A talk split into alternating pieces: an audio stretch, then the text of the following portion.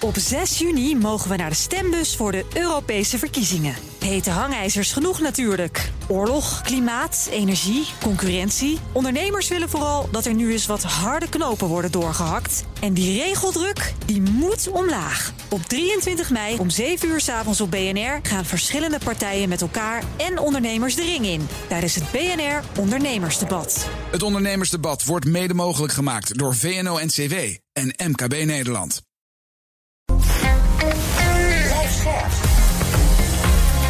BNR Nieuwsradio. The Big Five. Diana Matroos. Ooit was Gronings gas het succesverhaal van Nederland. Goed voor de consument, goed voor het bedrijfsleven, goed voor de staatskas. Maar na talloze bevingen, flinke schade aan huizen en gezondheid, is het verworden tot een mega hoofdpijndossier. Parlementaire enquêtecommissie probeert nu natuurlijk de onderste steen naar boven te halen. En dat ga ik deze week ook doen met vijf kopstukken in BNR's Big Five van het Gronings gas. Wat is nou het echte verhaal achter Groningen? En waarom lijken ze nog altijd de speelbal? Want met de huidige gascrisis wordt het toch weer geroepen: zet het gas daar maar weer lekker aan. Vandaag duik ik in dat hoofdpijndossier met Wendelmoed Boersema.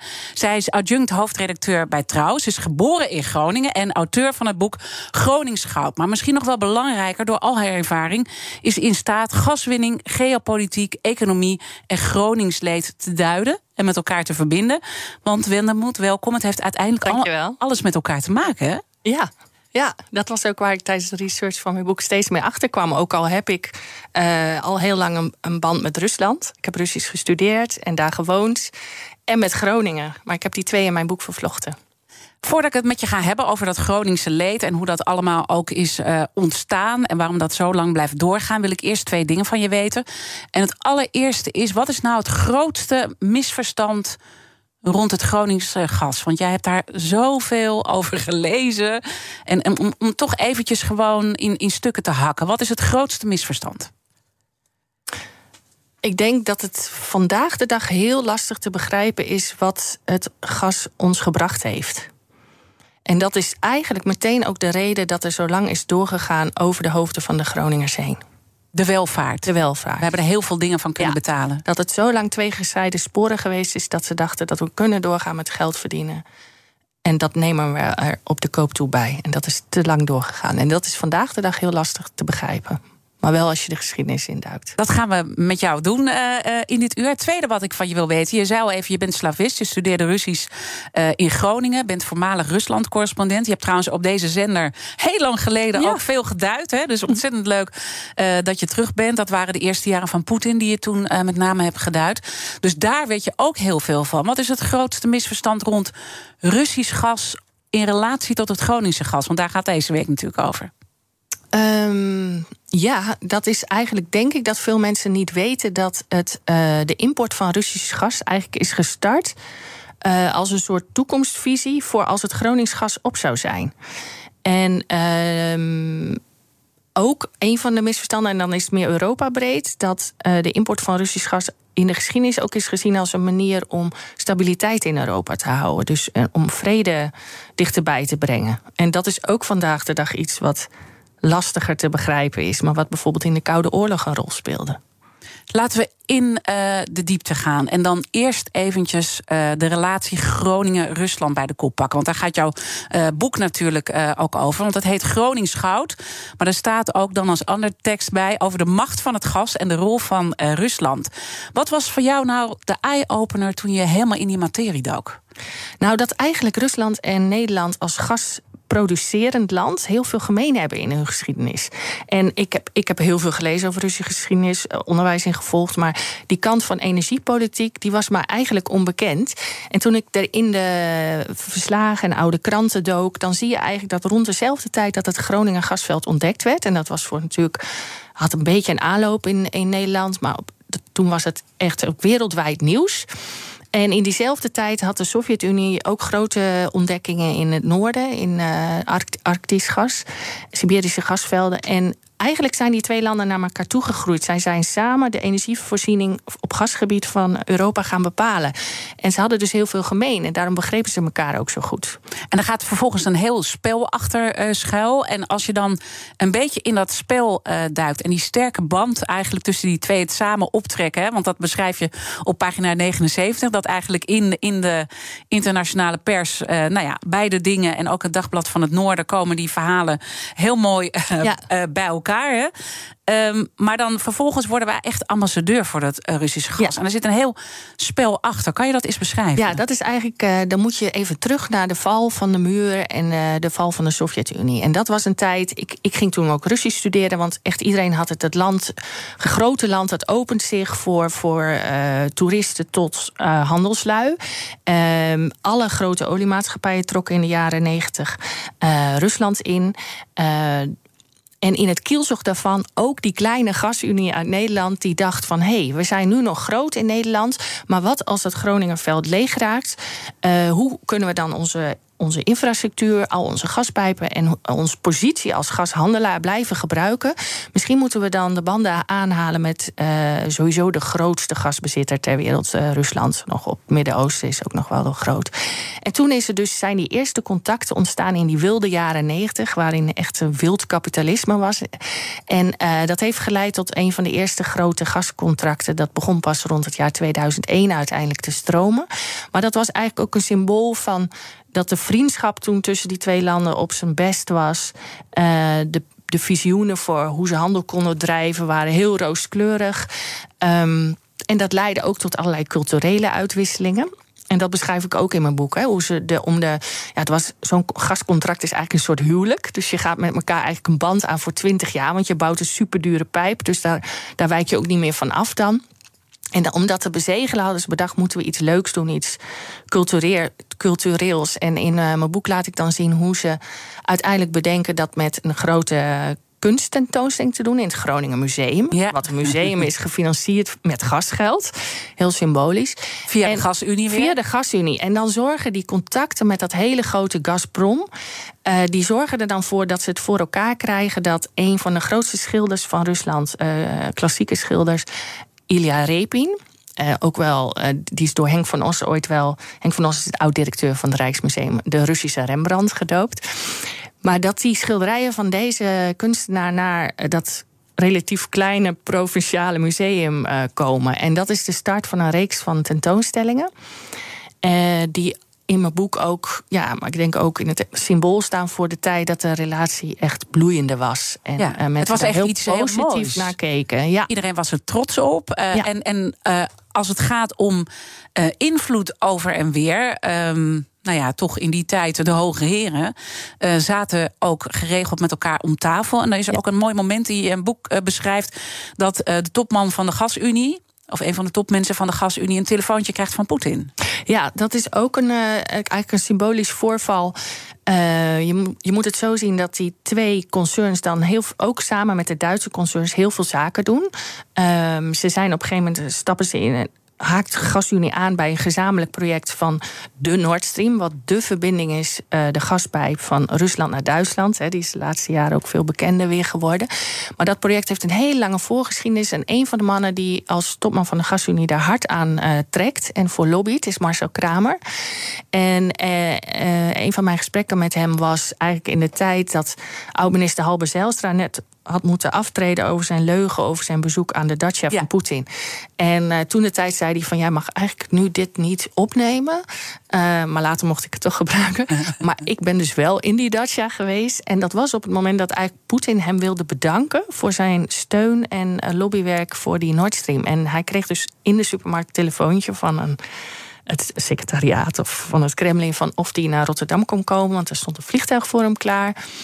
En uh, nou, dat heeft hij gedaan. En toen is hij dus naar die Dacia gebracht. En er was uh, Russische tv bij. En daar werd hij echt uit, uit Hij werd onthaald als een uitbundig gebruikt. Ja. ja. En hij heeft later ook een functie gehad uh, bij het concern wat aan de zuidkant van, Rus van Europa een gaspijp moest uh, helpen bouwen. Dus hij is ook dat, in dat netwerk gebleven. En wat zegt jou dit? Als je dus al die verbanden ziet en ook kijkt in de huidige situatie waarin uh, we nu zitten. Eén zou je kunnen denken, we zijn vreselijk naïef geweest. Mm -hmm. Ehm, maar ja, het zegt ook iets over wie er aan de touwtjes uh, trekt. Wat, wat heeft het jou met name geleerd?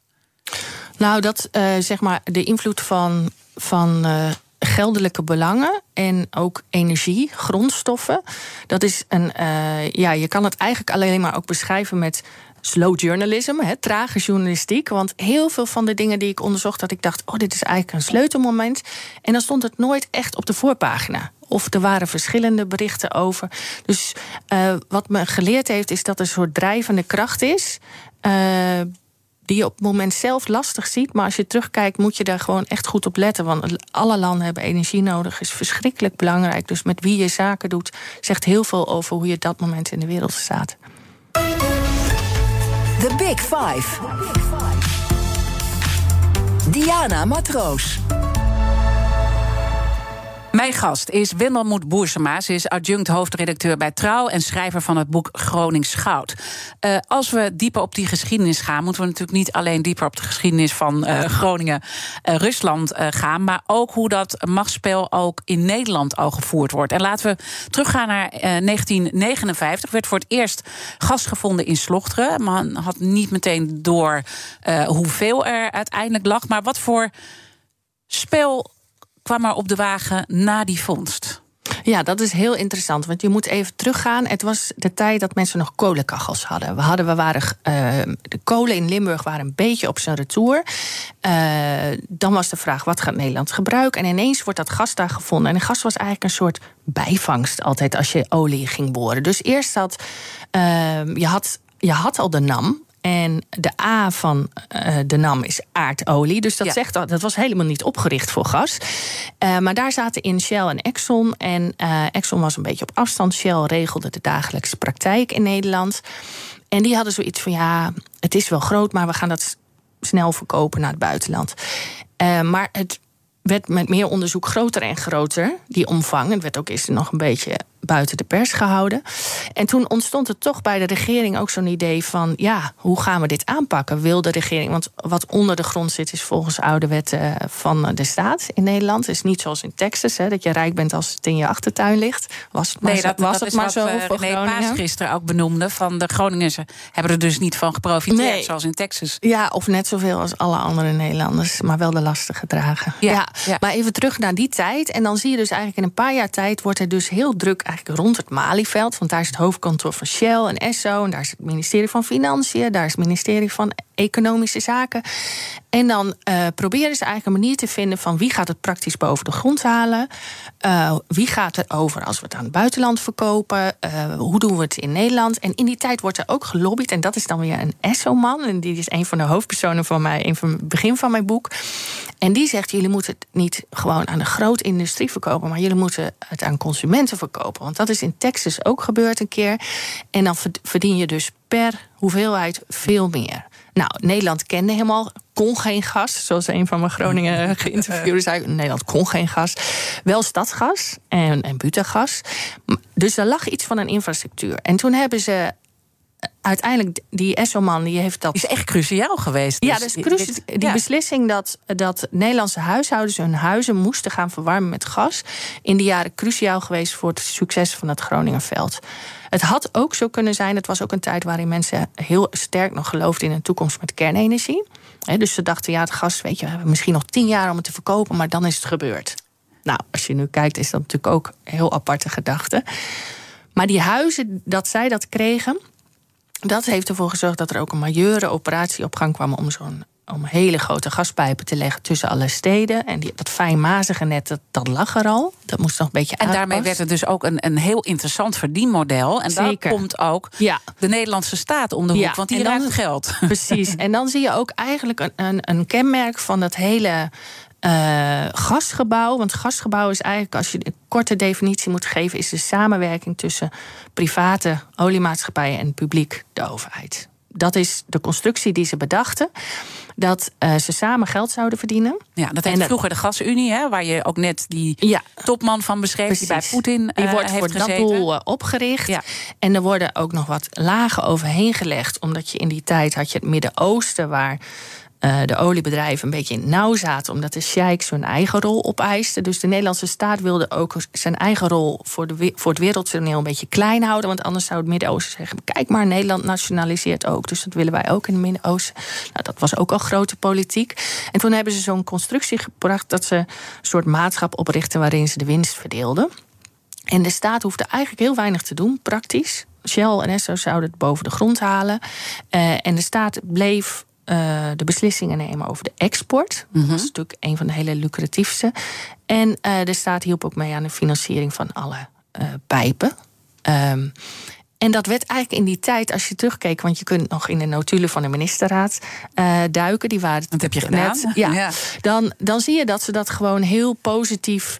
Um, als een soort win-win situatie en uh, benadrukken. En dat de debatten in het parlement, hè, want die, die kregen vaak, uh, net als nu, achteraf pas inzagen. Hè, dat, dat is echt een parallel dat het altijd een heel klein groepje is geweest wat erover besliste. Maar ze mochten er wel over debatteren. En dan gaat zo'n debat heel veel over geld.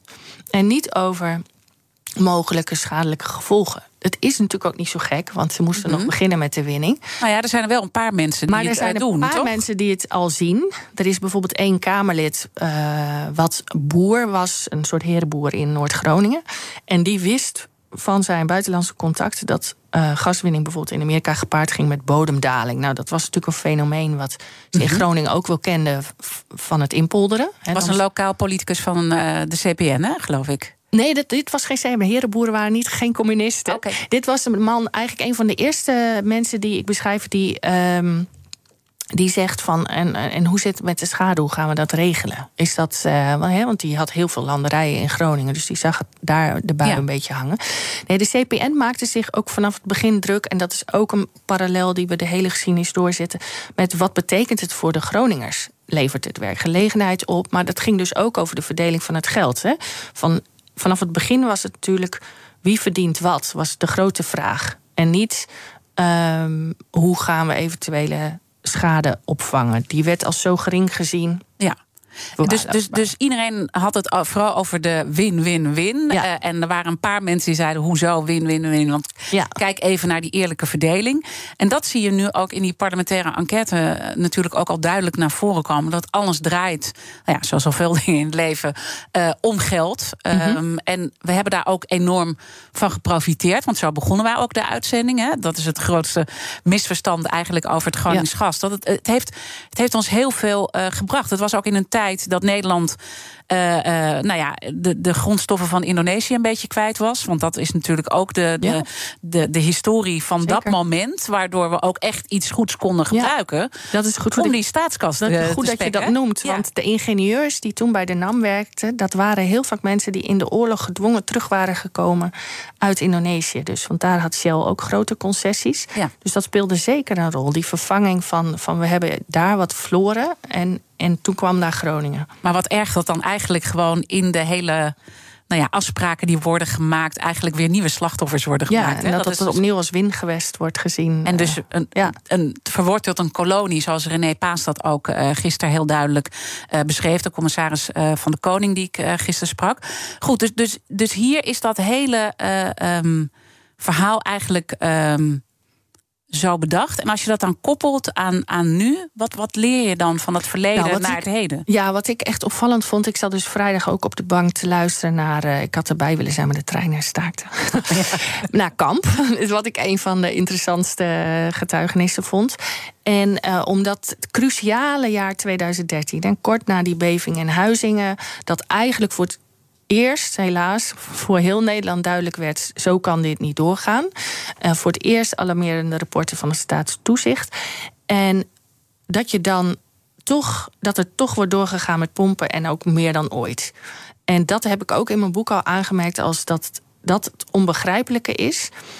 Behalve als je bedenkt dat al die decennia daarvoor, die kleine groep mensen die beslisten over hoeveel wordt er dit jaar uh, geproduceerd, hoeveel mag er uit de grond, uh, hoe gaan we het voor welke prijs gaan we het verkopen, dat die altijd die schade hebben gezien als iets wat je erbij kan afkopen. En dat het dus heel lang duurde voor doordrong tot datzelfde clubje mensen van je moet misschien wel voortijdig stoppen. Mm Aldo was er de gedachte, we gaan door tot het op Maar dat was ook geld gedreven, toch? Dat, was heel erg geld gedreven. En dat, in, die, in dat jaar kwamen ook een aantal dingen samen. En je zag Kamp daar ook een beetje omheen praten. Op een gegeven moment werd er gezegd dat hij in gesprekken had erkend dat het groot bier was voor de Groningers. En dat hij er met de coalitie zou over overleggen. Nou, ik denk dat dat ook cruciaal is geweest voor dat moment. Dat er toen net een regering zat en dat miljardenbezuinigingen die nodig waren geweest om het Groningen te stoppen, op dat moment ook het einde van de coalitie met de PvdA hadden betekend. Um, en Nederland kwam ook net uit die financiële crisis. Dus er was nog steeds een begroting die ja. bezig was te repareren wat daar allemaal ingepompt was. En er moesten ook heel veel dingen van betaald worden. Hè? Ik bedoel, uiteindelijk onze verzorgingsstaat is um, voor een groot deel door Groningen eigenlijk ook de gefund, de Betuwe-lijn. Weet je, dus er stond ook. Aan de ene kant zagen we het geld natuurlijk uh, verdwijnen met die uh, crisis. Ja. dus elke keer is dan het financiële argument waardoor eigenlijk de lijn wordt doorgezet. Ja.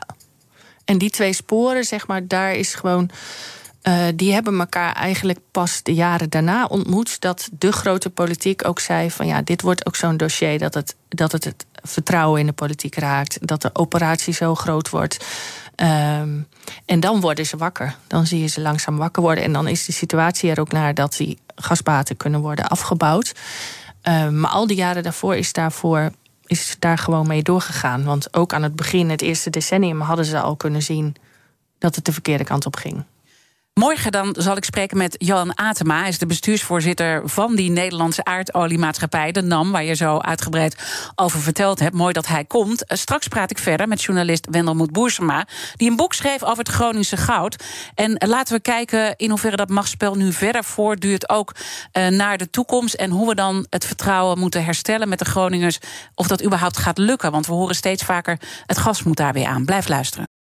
Op 6 juni mogen we naar de stembus voor de Europese verkiezingen. Hete hangijzers genoeg natuurlijk. Oorlog, klimaat, energie, concurrentie. Ondernemers willen vooral dat er nu eens wat harde knopen worden doorgehakt. En die regeldruk, die moet omlaag. Op 23 mei om 7 uur s avonds op BNR gaan verschillende partijen met elkaar en ondernemers de ring in. Tijdens het BNR Ondernemersdebat. Het Ondernemersdebat wordt mede mogelijk gemaakt door VNO-NCW en MKB Nederland. Business Booster. Hey ondernemer, KPN heeft nu Business Boosters. Deals die jouw bedrijf echt vooruit helpen. Zoals nu, zakelijk tv en internet, inclusief narrowcasting... de eerste 9 maanden voor maar 30 euro per maand. Beleef het EK samen met je klanten in de hoogste kwaliteit. Kijk op kpn.com slash businessbooster. Business Booster. BNR Nieuwsradio. The Big Five.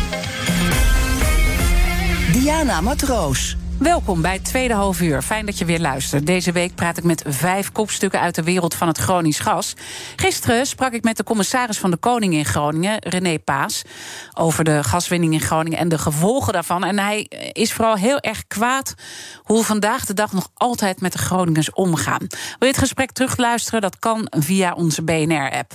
Mijn gast vandaag is Windelmoet Boersma, adjunct hoofdredacteur bij Trouw en schrijver van het boek Gronings Gas. Ik zou zeggen, echt een aanrader uh, om het te lezen. Want het spel wordt ontzettend duidelijk wat er al uh, jarenlang gaande is. Ook over de Russische vriendschap uh, die wij al heel vroeg hebben opgebouwd. En hoe alles aan elkaar hangt. Um, het is bijna te veel om met je te bespreken. Maar we gaan een poging doen. Komend half uur wil ik in ieder geval nog twee onderwerpen met je bespreken. Namelijk de toekomst van gas in Nederland en het leed in Groningen. Wat we natuurlijk al deels hebben benoemd. En laten we daar meteen de kettingvraag van René Paas bij pakken. Hij had deze vraag voor jou. Beste Wendel, moeten we uh, kijken momenteel ademloos naar de parlementaire enquête. Zien ook hoe ontluisterend en hoe plat de afwegingen zijn geweest. En het spannende van deze parlementaire enquête is dat het. Uh, het is work in progress. Het gaat niet over iets van vroeger, het gaat over iets van nu. Denk je, wat denk je dat het effect van de parlementaire enquête zal zijn op de manier waarop Groningers in de toekomst worden behandeld? Een hele mooie vraag die hij stelt. Een hele mooie vraag. En, en je proeft er bij hem iets van hoop in. Ja. Dat het een helend effect zou hebben. En dat is over het algemeen ook het doel met parlementaire enquête. is een van de doelen dat je door alles nog eens te bespreken ook die erkenning krijgt. Ik hoop dat zelf ook. Maar wat ik zie is dat ook gewoon eigenlijk steeds meer zwart op wit. met allerlei kleine, hele schrijnende voorbeelden duidelijk wordt hoezeer het geld de drijfveer was. En ik denk dat dat de Groningers geen goed doet. En ik zie ook als je nu op de komende jaren vooruitkijkt, dat uh, de vraag van hoe houden we uh, Nederland warm en hoe blijft het betaalbaar, dat er dus toch ook weer naar Groningen wordt gekeken. Uh, met wetende dat het operatie versterking, operatie schadeherstel nog lang niet is afgehandeld. Daar is een... Wat vind je daarvan? Want je bent zelf natuurlijk, ja. kom je uit Groningen, even los van dat je als journalist ja. naar kijkt. Ja, ik vind dat heel pijnlijk. En, maar je ziet ook de onmacht. Um, ik denk dat dit kabinet Rutte wat betreft de pogingen om dat vertrouwen te herstellen met het schadeherstel, op zich gepoogd heeft een goede start te maken. Hè, met, mm -hmm. met uh, meneer Veilbrief, die zich daar helemaal aan moet wijden. Staatssecretaris, ja. De staatssecretaris. Alleen het is zo'n klus dat ik denk, uh, door de tijd die daarmee gemoeid is nog, om dat te doen, dat heel veel mensen toch nog er best veel last van zouden hebben. En de bodem is ook nog niet uitgerommeld. Dus je mag hopen dat ze de lessen meenemen. Mm -hmm. Uh, maar het is zo complex het geworden is heel eigenlijk complex door die geschiedenis, dat ik- uh, door al die belangen Ja. die op de achtergrond, maar ook de ongrijpbaarheid. Want dat, dat vind ik vooral fascinerend uh, bij die hele enquête. Dat je merkt uh, de ongrijpbaarheid van de personen die daar ook een rol hebben gespeeld. en ik denk dat kan dat- je daar wat voorbeelden geven die jou triggeren wat je voorbij ziet komen? Nou, wat je ziet uh, is dat. Nou ja, we hadden het net over minister Dijsselbloem. Die zegt van. In de break hadden we het in- even over, Ja, eh, dat die. eh, eh, weer even terug naar dat jaar 2013. Dat er meer gas werd ge- opgepompt dan ooit. Terwijl er voor het eerst keihard was gewaarschuwd dat het naar beneden moest. Om de risico's van heviger aardbevingen te beperken. En de leveringszekerheid ook helemaal niet in het geding was, want dat was het argument, dat, hè? dat zie je ook steeds meer bewijzen van tijdens de enquête. Dat ze best scenario's op het ministerie hadden liggen. Dat ze met minder Groningsgas toe konden, omdat ze dat konden aanvullen. En dat zo'n Dijsselbloem, die minister van Financiën was, die al van oudsher gaat het ministerie van Financiën mede over dit soort dingen. Zeker over leveringen aan het buitenland en zo. En dat hij dan zegt: Ik hoop dat jullie erachter komen. Dan denk ik ja. Wie dat besluit Daarom genomen zit heeft. jij daar op die stoel om te vertellen hoe dat zo gegaan is. Dat, dat ze dat gewoon als een soort matter of fact aan het, de hoogste ambtenaren overlieten, is dus kennelijk. Of aan eh, de gasunie zelf. Dat is ook wel heel tekenend. Want voor... dat zag je ook eigenlijk bij Maxime eh, Verhagen, die natuurlijk ook minister is Ja. geweest van eh, EZ. En dat eigenlijk die Mark Dieriks, een voormalig topambtenaar, eigenlijk zei dat hij ook besluiten nam zonder dat de minister daar eigenlijk van Ja. op de hoogte was. Dat vanuit- Denk jij nou dat dat, dat dat klopt op die manier? Ja, je moet er een beetje Ja, vanuit vanuit het verleden zeker. Want het was heel lang in die zin helemaal niet politiek gas. Net wat ik zei, het was heel traag. Er, was, eh, er waren vijfjarenplannen. Het was bijna Sovjet-achtig.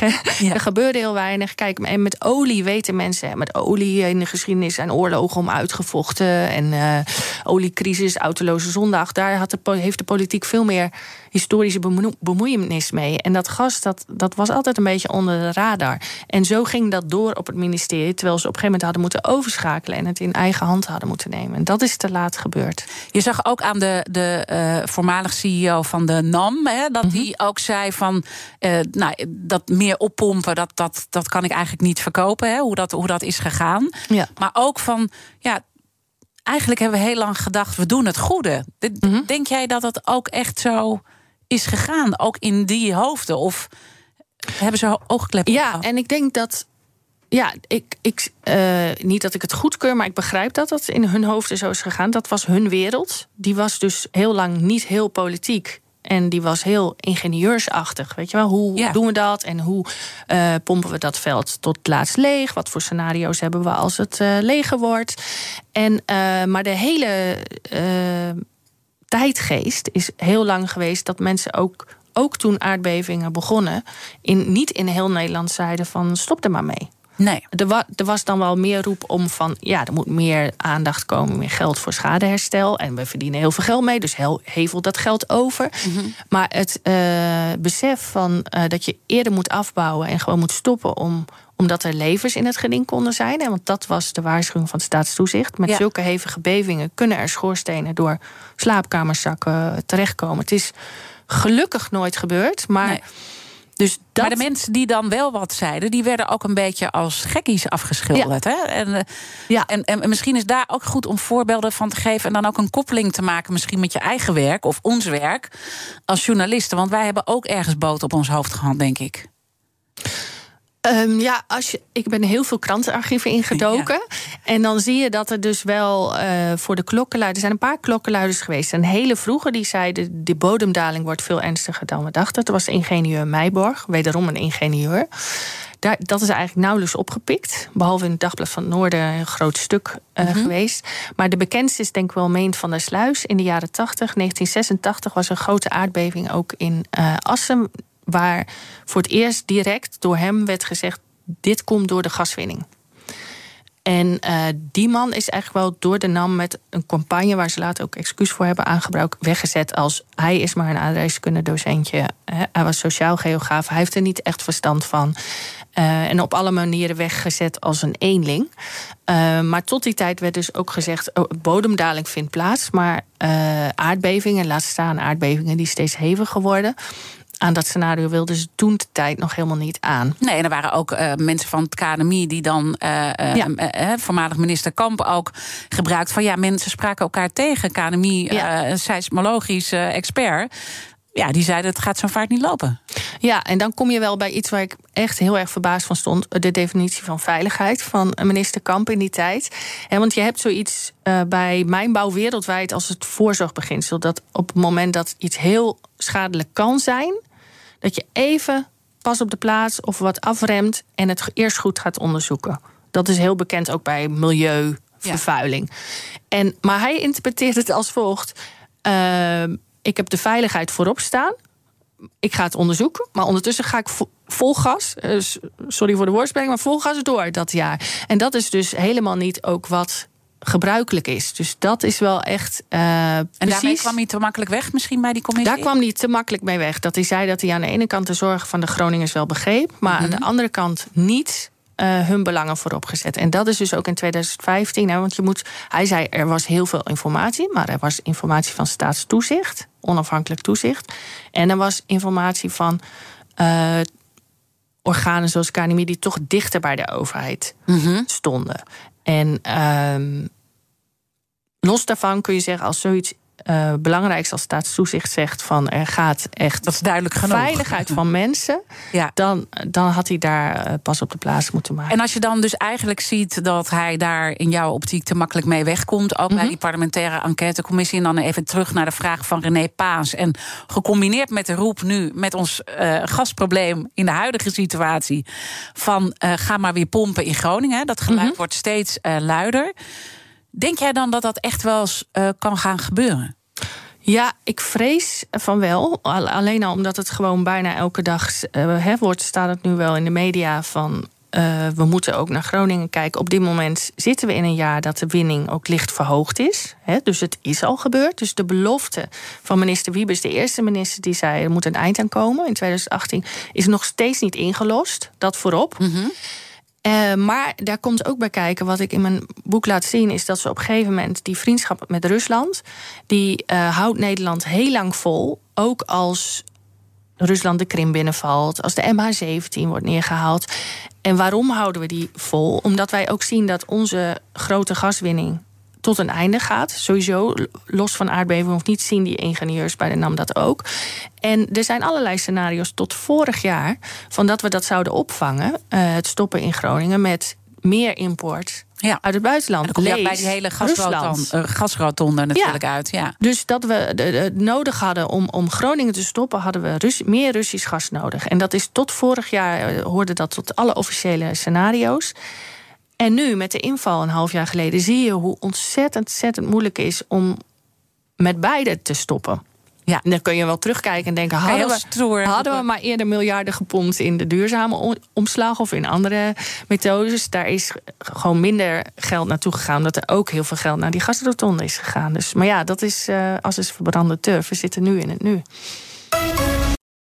Op 6 juni mogen we naar de stembus voor de Europese verkiezingen. Hete hangijzers genoeg natuurlijk. Oorlog, klimaat, energie, concurrentie. Ondernemers willen vooral dat er nu eens wat harde knopen worden doorgehakt. En die regeldruk, die moet omlaag. Op 23 mei om 7 uur s'avonds op BNR gaan verschillende partijen met elkaar en ondernemers de ring in. Tijdens het BNR Ondernemersdebat. Het ondernemersdebat wordt mede mogelijk gemaakt door VNO-NCW en MKB Nederland.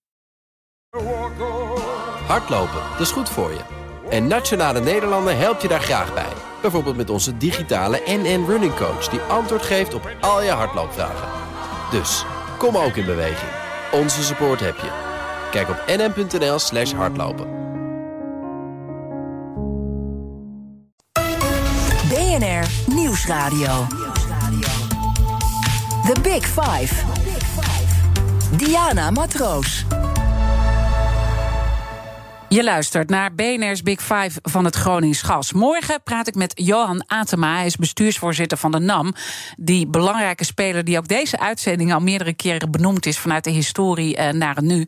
Mijn gast is uh, vandaag is Wendelmoed Boersema, adjunct hoofdredacteur bij Trouw en schrijver van het boek Gronings Goud. Uh, die kettingvraag heb je zelf net eerder beantwoord, maar die gaat natuurlijk door naar de bestuursvoorzitter van de NAM. Wat zou je aan hem willen vragen? Ja, beste meneer Atena, de NAM is op een gegeven moment op afstand gezet in het beoordelen van de schade en de versterkingsoperatie. Maar de harde afspraak is dat de NAM wel blijft betalen.